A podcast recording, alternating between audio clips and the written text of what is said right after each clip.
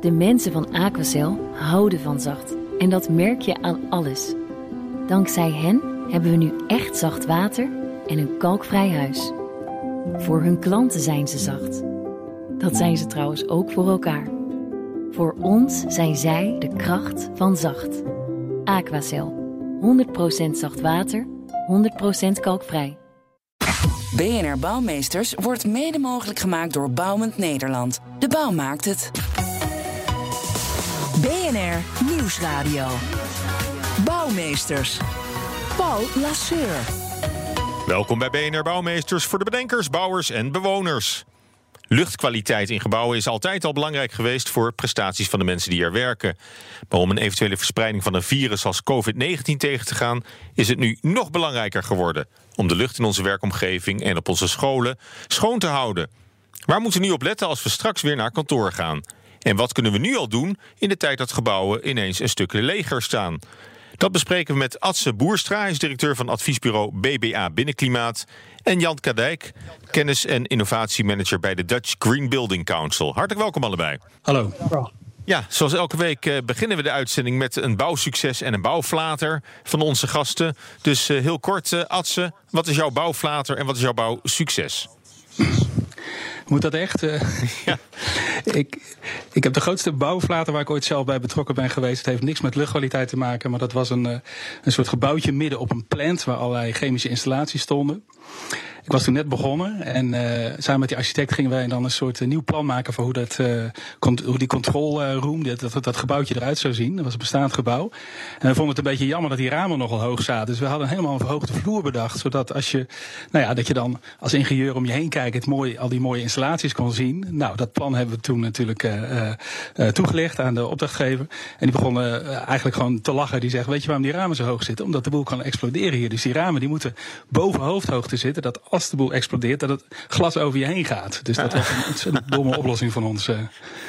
Dat is hem niet geworden. Nou, veel van geleerd geworden, nee. En welke successen zijn er opgevolgd? Ja, ja, ja, zeker wel. Ja, kun je een bouwsucces ook noemen? Ja, um, het zijn misschien ook de kleine dingen. Hè. Wij doen bijvoorbeeld heel vaak uh, een project in de Arbohoek. En een tijdje geleden was ik bij een uh, klant van ons en ik stond er bij de balie te wachten. En min of meer spontaan ging degene achter de balie vertellen dat het vroeger allemaal ellende was met tocht en kou in de winter.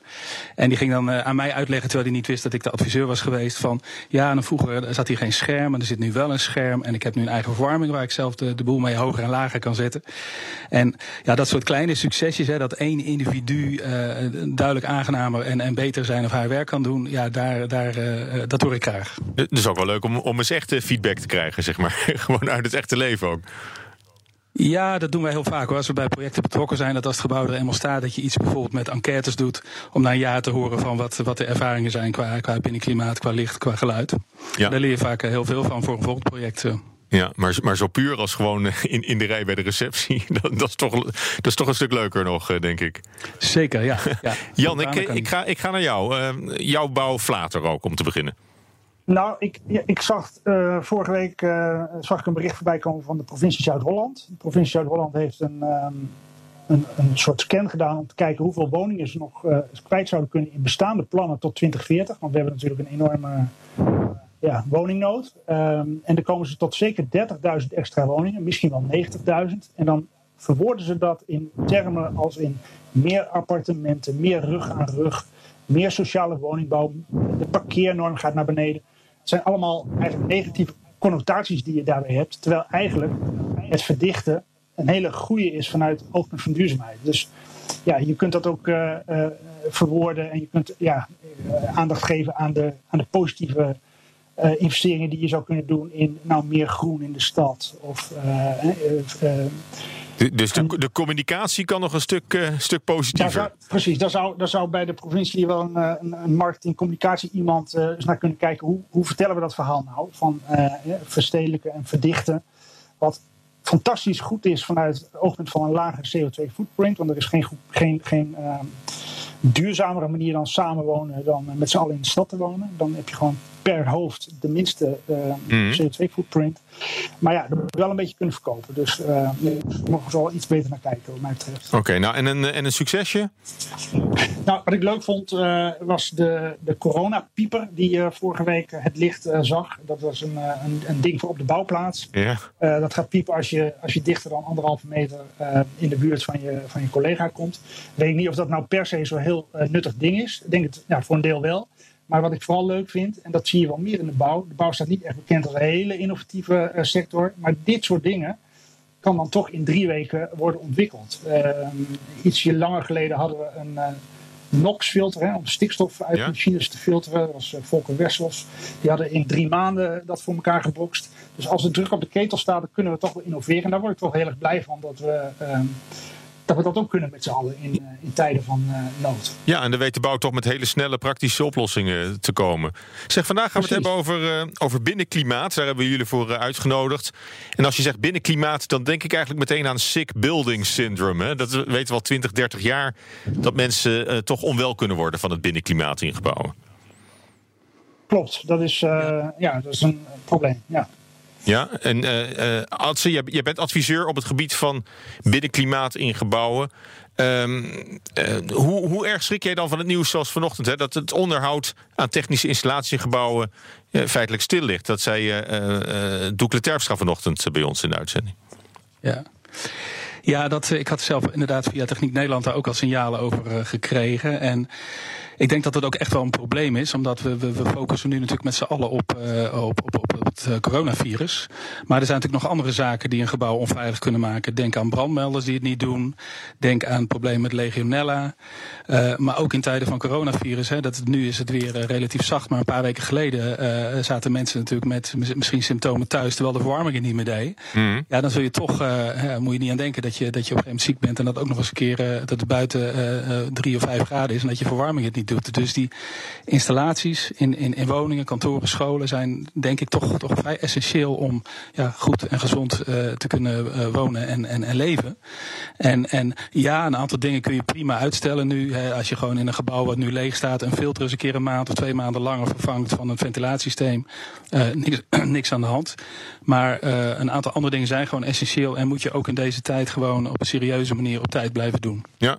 Ja, want uh, Legionella noemde je even. Dat, dat, is natuurlijk ook zo'n probleem geweest uit het, uit het uh, verleden misschien wel. Maar het zal nog wel eens voorkomen. Om, omdat de, de waterleidingen dan uh, te lang stilstaan. Ja, dat is misschien ook gelijk wel even een tip voor uh, luisteraars. Uh, omdat we hebben natuurlijk heel veel gebouwen nu die min of meer leeg staan, die min of meer stilstaan. Denk aan hotels, denk aan kantoren, met misschien een, uh, ergens een douche. en en op het moment dat dat water lang stilstaat, of bijvoorbeeld in, in, in warmwateropslagvaten lang stilstaat, dan, dan, dan kan het een risico vormen. En, en normaliter heb je natuurlijk in een gebouw dat, ja, dat er continu wel gebruik is. Denk ook aan sportfaciliteiten. Uh, en dan stroomt dat water wel door. En dan gaat het meestal wel goed met de legionella. Maar als het langer tijd stilstaat, dat hangt er ook vanaf van wat je temperatuurinstellingen zijn, dan kan dat gewoon echt, echt een risico zijn. Dus ik zou iedereen willen uh, adviseren op het moment dat er, stel dat er straks uh, weer een moment komt dat gebouwen weer open gaan. Eerst even laten lopen, de leidingen. Komen. Ja.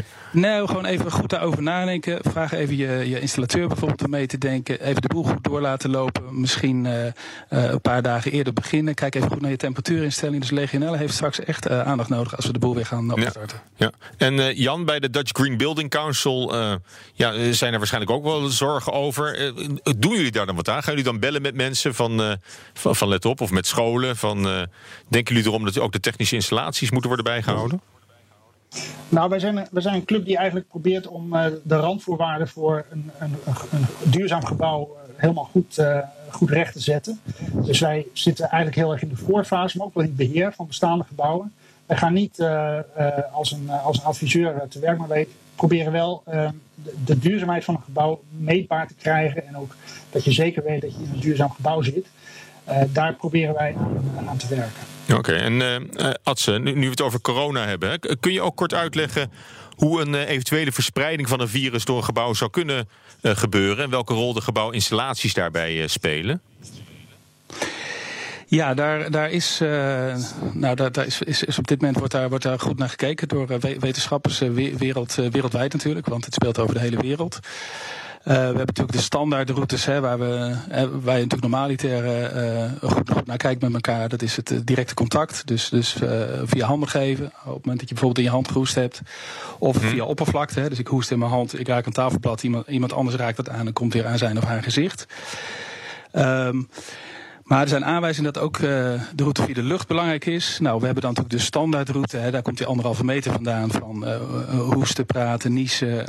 En dat er dan nou ja, druppeltjes, grotere druppeltjes uit je mond komen... die meestal binnen nou ja, anderhalve meter zoiets weer neerslaan. Hè, dus als je maar ver genoeg bij mensen vandaan blijft, is er niks aan de hand. Maar er is ook nog een, een nog, een, nog een derde route... waar op dit moment best wel discussie over is. Ja, dus, uh, maar bijvoorbeeld eh, door de lucht, daar, daar wordt er nogal uh, ja, aan getwijfeld of COVID-19-virusdeeltjes ook via de lucht zich verplaatsen. Terwijl voor SARS en MERS dat destijds wel werd vastgesteld. Ja, er wordt in die zin niet aan getwijfeld dat, dat kijk, wereldwijd en, en, en uh, medici, et cetera, die, die onderkennen gewoon dat als je binnen anderhalve meter afstand van iemand bent die, die bijvoorbeeld geen mondkapje op heeft, die, die niest of hoest, dat dan de grotere druppeltjes in de lucht kunnen komen die je dan uh, in kunt ademen, waar je dan uh, nou, waar je door besmet kan raken als degene die niest en hoest zelf al besmet was. Maar de discussie die spitst er met name toe op van wat gebeurt er nou op, op iets grotere afstanden dan die anderhalve meter als je met name in slecht geventileerde ruimtes zit. Hmm. Nou, dat is iets, zeg ik heel eerlijk, daar is gewoon uh, zowel nationaal als internationaal uh, ja, best een beetje discussie over. Maar wel denk ik een belangrijk iets om uh, eens goed met elkaar naar te kijken voordat we straks op grote schaal wereldwijd weer allerlei gebouwen weer tussen haakjes normaal in gebruik gaan nemen. Ja. Want circulatiesystemen, luchtcirculaties, zou daar eventueel wel een rol bij kunnen spelen? Is dat ondenkbaar? Nou, kijk hoe ik er tegenaan kijk. Wij zijn met een uh, clubje internationale wetenschappers uh, onder de vlag van uh, ISIAC, dat is de International Society of Indoor Air Quality, naar dit onderwerp aan het kijken. En, en daar zitten dan mensen aan boord met een nou ja, installatietechnische achtergrond, maar ook microbiologen, in, indoor air scientist. Um, kijken naar dat onderwerp. En wij denken dat in bijzondere situaties, hè, denk aan relatief veel mensen die, die dicht op elkaar zitten, dat die, die route, uh, nou ja, overdracht uh, via de lucht ook op iets grotere afstanden een rol kan spelen. Met name als je met veel mensen in een slecht geventileerde ruimte zit. Oké, nou dat is iets om, om rekening mee te houden. Zeg Jan, de Dutch Green Building Council geeft binnenkort seminars over coronamaatregelen voor gebouwen. Kun je concreet al wat, uh, wat prijsgeven daarvan? Tips en maatregelen die jullie gebouweigenaren geven? Nou ja, we hebben er eigenlijk in drie, uh, drie delen opgedeeld. Um, in eerste instantie gaat het inderdaad over installaties. Hè. Staat het allemaal goed afgesteld? Kun je daar iets, iets aan doen? Hoe um, hou je die, die, drie routes waar Ad het over had, hoe hou je die een beetje in bedwang? Vervolgens is het ook de vraag, wat betekent het voor de inrichting? Er zijn ook allerlei ideeën over. Dus daar hebben we een, een seminar over, over ja, ga je nou de hele werkplek uh, omgooien? Hè? Ga je alles anders inrichten of uh, ga je misschien met teams werken? Het is natuurlijk eigenlijk vanuit, ook vanuit het oogpunt van duurzaamheid en circulariteit zou je eigenlijk niet willen dat we allemaal spullen nu het gebouw in gaan slepen om te zorgen dat we hokjes krijgen waarin we veilig zijn ten opzichte van elkaar. Dus misschien moet je de ruimte die er is uh, gewoon gebruiken en uh, in teams gaan werken die elkaar afwisselen. En een derde is, dat is toch ook een factor die ehm, van belang is, van hoe vertrouwen we nou elkaar dat de maatregelen, die installateur die zegt dat die, of die technie, techniekpartij die dan langs is geweest en er wel of geen filter in heeft gezet, hoe weten we dat eigenlijk zeker? Dus de psychologie van met elkaar op de werkvloer uh, uh, gebruik maken van, uh, van de voorzieningen die er zijn. En dan je daar toch ook veilig bij voelen. Ja. Wat, wat vergt dat allemaal van ons? Ja, moet je ook voor checken. BNR Nieuwsradio. Bouwmeesters. Paul Lasseur. En zometeen praat ik verder met binnenklimaatexpert Adse Boerstra en Jan Kadijk, innovatiemanager bij de Dutch Green Building Council. We bespreken dan hoe we ons moeten gedragen op kantoor in deze coronatijden en hoe een anderhalve meter kantoor eruit zou kunnen zien. BNR Bouwexpo. Maar eerst is hier redacteur Judith Lane voor de Bouwexpo. Hoi Judith. Hey Paul, hallo. Ja, ja, we gaan naar het eh, park van de afstand. Ik, ik voel een kleine afstand, want je, je belt weer in. Maar, maar waar gaan we... Ik zit uh, inderdaad weer op afstand, ja. Nog steeds. Waar, waar gaan we kijken vandaag? Uh, ik uh, vond een idee van een Oostenrijkse uh, studio, die heet Precht. En die oprichter daarvan die vroeg zich dus af, nu dus heel veel openbare ruimtes dicht moeten vanwege die coronacrisis, hoe zien die er in de toekomst dan eigenlijk nog uit? En daar heeft hij dus een park voor ontworpen. Um, en hij vroeg zich ook af, wat voor functie zou zo'n park dan bijvoorbeeld nog hebben? Dus als je die social distancing als uitgangspunt neemt voor het ontwerp, wat kunnen we dan ook leren van zo'n ruimte? En wat voor waarde heeft zo'n ruimte dan nog ook na de coronapandemie? Nou, en dat levert waarschijnlijk een heel ander park op dan we, dan we gewend zijn, waar we elkaar normaal ontmoeten. Een social distancing park. Hoe ziet dat eruit? Precies, het is helemaal niet. Uh, je zou, kijk, de parken die wij gewend zijn, zijn eigenlijk uh, redelijk open. Dus je kunt je heel vrij bewegen. Uh, maar dit is heel bijzonder vormgegeven. Het is namelijk een soort doolhof. Dus het zijn ook hoge heggen. en die heggen die volgen de lijnen van een vingerafdruk. Dus het is een beetje een ovale vorm met allemaal ja, heggen. Het is een soort labyrint geworden. En die heggen zijn dan 90 centimeter breed. Dus anderhalf meter. En dus dan kan je, uh, als je bezoeker bent in dat park, op die manier afstand houden. Uh, en ertussen uh, die heggen komen rode gravelpaden. Dus een beetje net zoals bij tennis. in het midden van het park zitten fonteintjes. En nou ja, door die vingerafdrukvorm kun je dus een soort wervelende vorm maken.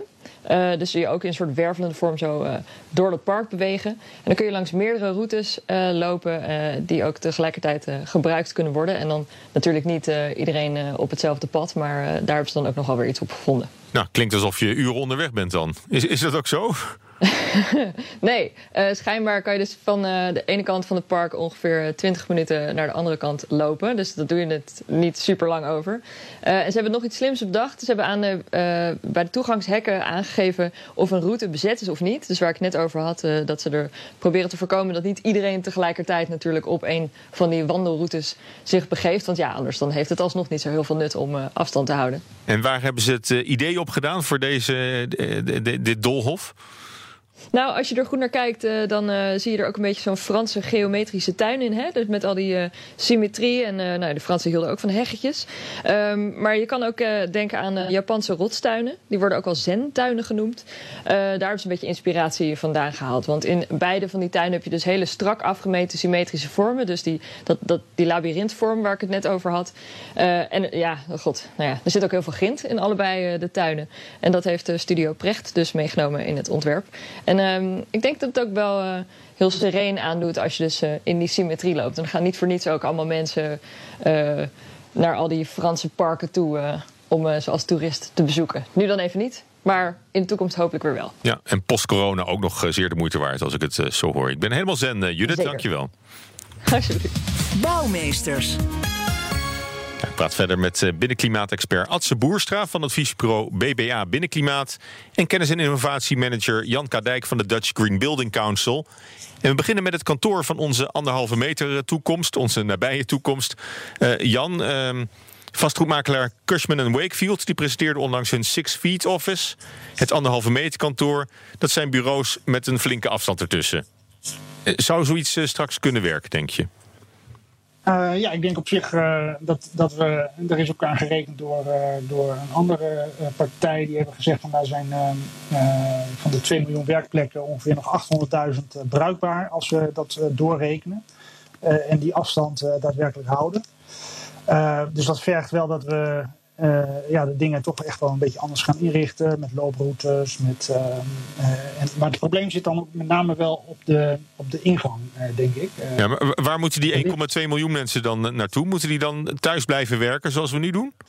Nou ja, dat is natuurlijk de grote ontdekking van nu. Dat, dat, dat we merken dat dat ook kan. En dat is ook een hele interessante vanuit duurzaamheidsoogpunt. Hè? Dat, dat, wat is nou de, de meest duurzame configuratie om te werken? Hè? Als je nou alle het energieverbruik thuis uh, en het wegvallen van alle mobiliteit uh, en de CO2 die daarmee gemoeid is, als je dat bij elkaar op, uh, optelt en wegstreept tegen als we met z'n allen naar kantoor gaan, dan denk ik dat dit nog wel eens een, ja, een duurzamere configuratie kan zijn met z'n allen thuiswerken dan, dan dat we met z'n allen naar kantoor gaan. Ja. Dus dat vind ik wel een hele interessante. Ehm, ja, die mensen moeten thuiswerken en dan moet je elkaar een beetje afwisselen in teams. Ja, en op, op kantoor, dat, dat worden dan dus, dus flex plekken waarschijnlijk. Hè? Dat je de ene dag thuis en de andere dag wel op kantoor werkt. En dat in afwisseling met je collega's. Ja, ik denk dat als ze nog iets zou, zou kunnen zeggen of dat dan om de dag moet of om de week. Want uh, dat virus dat, uh, dat heeft dan een, een zogenaamde halfwaarde tijd. En uh, als het eenmaal op zo'n bureaublad ligt, dan ligt het daar wel even. dan kan je het beter een weekend laten liggen dan een nacht. Ja, ja. ja. en, en je, je ja. hebt ook... ja? Ik kan er misschien wel iets, iets kort over zeggen. Er zijn inderdaad onderzoeken gedaan, allemaal onder laboratoriumomstandigheden. Daaruit blijkt dat, afhankelijk van het oppervlak, dat het virus soms iets van twee, drie uh, uur en soms iets van, van een dag of, of soms nog ietsje langer kan uh, aanwezig kan zijn. Ik heb wat nieuw Duits onderzoek gezien waar het nog weer wat korter bleek. Maar het, het, het is, ja, je moet er inderdaad wel een beetje over nadenken. Ik ben er zelf voor ons eigen kantoor ook nog niet helemaal over uit hoor. Maar, maar van uh, of je dan bijvoorbeeld om de twee dagen wil wisselen en dan tussen die, die twee periodes door even extra goed schoonmaken. Hè, want schoonmaken is ook echt een belangrijk ding. Alleen maar de boel op afstand van elkaar plaatsen, daar ben je er niet mee. Maar ehm, daar moeten we goed nog naar kijken met z'n allen. Ja, ja, het is ook een kwestie van, van gedrag uh, vooral. Hè. Misschien nog wel meer dan van installaties. Uh, en Jan, je hebt ook al nagedacht over de routes die mensen in gebouwen afleggen. Uh, door de, een andere manier naar buiten dan naar binnen te laten gaan. daarmee creëer je ook al veiliger situaties. Zie je dat ook voor je, zo'n hele routing in een, in een gebouw? Nou ja, ik. Ik kan me er wel iets bij voorstellen, maar tegelijkertijd denk ik dat uh, we hebben allemaal inmiddels ervaring in de supermarkt, dat het toch niet, uh, niet echt eenrichtingsverkeer kan zijn.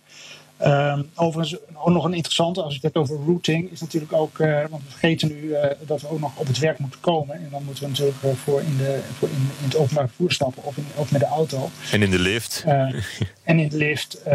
ja, dus ook, ook daar zou je nog kunnen nadenken over, oké, okay, welke mensen kunnen bijvoorbeeld met de fiets naar het werk. Nou, dus ook daar zijn nog weer duurzamere stappen richting duurzaamheid mogelijk. Als je het hebt over hoe, hoe geven we die hele kantoor, dat kantoorleven nou, uh, nou vorm. Ja, en, en wat kunnen we in onze. Ja, sorry hoor, maar wat, wat kunnen we in onze kantooromgeving nou nog meer doen om onszelf te beschermen tegen dit soort uh, virusuitbraken? Want dit is natuurlijk één type, maar andere, andere pandemieën zijn ook denkbaar. Nou ja, ik denk dat een, een hele belangrijke is dat je voor jezelf helder hebt. Uh, dat, je, dat je voor jezelf helder hebt van. Uh, uh, waar, waar zit ik nou vaak met wat meer mensen op een kluitje? Denk aan het restaurant, denk aan de vergaderruimte, zeker aan, aan een inpandige vergaderruimte. En ik ken, ik ken een boel vergaderruimtes waar je, waar je misschien nu met z'n tienen zit en het hartstikke bedompt wordt. En dan ga je er straks met z'n vijven zitten. Dat er nog steeds relatief weinig ventilatie komt. Dus dat is iets, hè, we hebben het nu steeds over uh, Six Feet Office. En dan ziet iedereen gewoon plaatjes van, van kantoortuinen voor zich waar je de bureaus iets verder uit elkaar zet. Prima, hè, goed idee.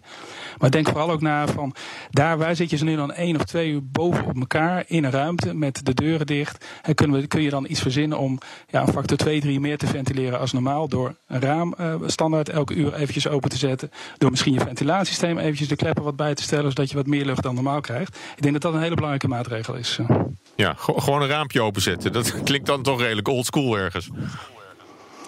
Nou, ja, ik zou het wel iets, ik zou, als ik nog iets mag zeggen, ik zou het iets, uh, iets breder ook willen trekken. Want um, het komt natuurlijk ook een beetje op aan hoe je als werkgever überhaupt met gezondheid uh, voor je werknemers omgaat. Hè? Uh, als mensen inderdaad de hele dag achter worden in een, in een vergaderzaal, het vergaderen zonder dat er een raampje open kan, ja, dan, ben je, dan ben je sowieso niet goed bezig. Dus ook de, de wat bredere aandacht voor gezondheid in je gebouw is iets waar je wel degelijk aandacht aan zou kunnen schenken. Ook om op die manier überhaupt de weerstand tegen, tegen welk virus dan ook wat omhoog te brengen. Kun je tussendoor misschien sporten? Kun je, kun je buiten een, een ommetje maken? Of is dat volstrekt onmogelijk omdat je pal aan de snelweg zit met je, met je band? Ehm, dus daar zijn er nog wel wat meer aspecten die de gezondheid van de medewerker ten goede komen. Ja, en, en nou, veel mensen werken nu, werken nu thuis, misschien wel de meeste. Ehm, daar zal het ook niet ideaal zijn over het algemeen. Maar misschien, ik wil toch even heel uh, eigenwijs over dat uh, te openen raam doorgaan. Ja. Met die internationale club hebben we allerlei soorten aspecten op een rijtje gezet. En elke keer komt dat aspect ventilatie. He. Er zijn in het verleden zogenaamde superspreading events geweest. Waarbij je bijvoorbeeld een koor in Amerika, wat, wat twee, drie uur lang met elkaar heeft zitten repeteren in de slecht geventileerde ruimte. Waar uh, drie kwart uiteindelijk besmet bleek door, door één persoon. Dus dat aspect ventilatie, hè, er werd net een beetje zo gereageerd achter een raampje van, uh, dat is allemaal niet zo belangrijk. We hebben natuurlijk heel veel, denk bijvoorbeeld aan scholen in Nederland, waar gewoon echt perfecte te openen ramen in zitten. Het is relatief zacht weer buiten. Als we straks weer die scholen opende, denk ik zelf van ook al ben je met een factor 2 misschien minder kinderen. Hè, stel dat je kinderen de helft s ochtends laat komen, de helft s middags. Dan nog eens een heel goed idee om wat bewuster te gaan eh, ventileren de komende maanden. En een heel, heel leuk instrument erbij zijn de zogenaamde CO2-stoplichtjes. Dat zijn dingen die hangen aan het muur, die kosten 50 euro of 100 euro. En die, daar gaat er gewoon een rood lampje branden op het moment dat het benauwd wordt. En ik denk dat er gewoon op een hele simpele manier aan de kant van uh, ja, het, het, het, het, verhogen van, van de ventilatie, op moment dat je met uh, mensen in een relatief druk bezette ruimte zit, dat er een gigantische kwaliteitsslag uh, te maken is qua besmettingsrisico. Ja, nou ik, ik hoop het ook. En ik, ik denk, het klinkt vrij, vrij eenvoudig en, en heel erg uitvoerbaar. Ik wil jullie hartelijk danken voor dit gesprek. Voorlopig is de luchtkwaliteit buiten in, in ieder geval alleen maar opgeknapt hè, door, door het gebrek aan, aan wegverkeer. Dus dat, dat zien we alvast wel. We kunnen ook meer buiten, buiten spelen. Hartelijk dank voor dit gesprek. Adse Boerstra, directeur van adviesbureau BBA Binnenklimaat... en Jan Kadijk, kennis- en innovatiemanager bij de Dutch Green Building Council. En tot zover BNR Bouwmeesters. Tips kunnen via de mail naar bouwmeesters.bnr.nl. Deze uitzending is terug te luisteren als podcast via de BNR-app en bnr.nl.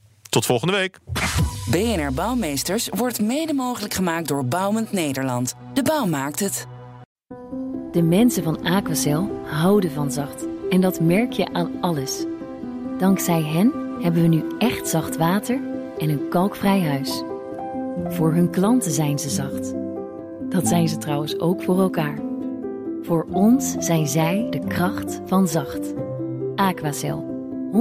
100% zacht water, 100% kalkvrij.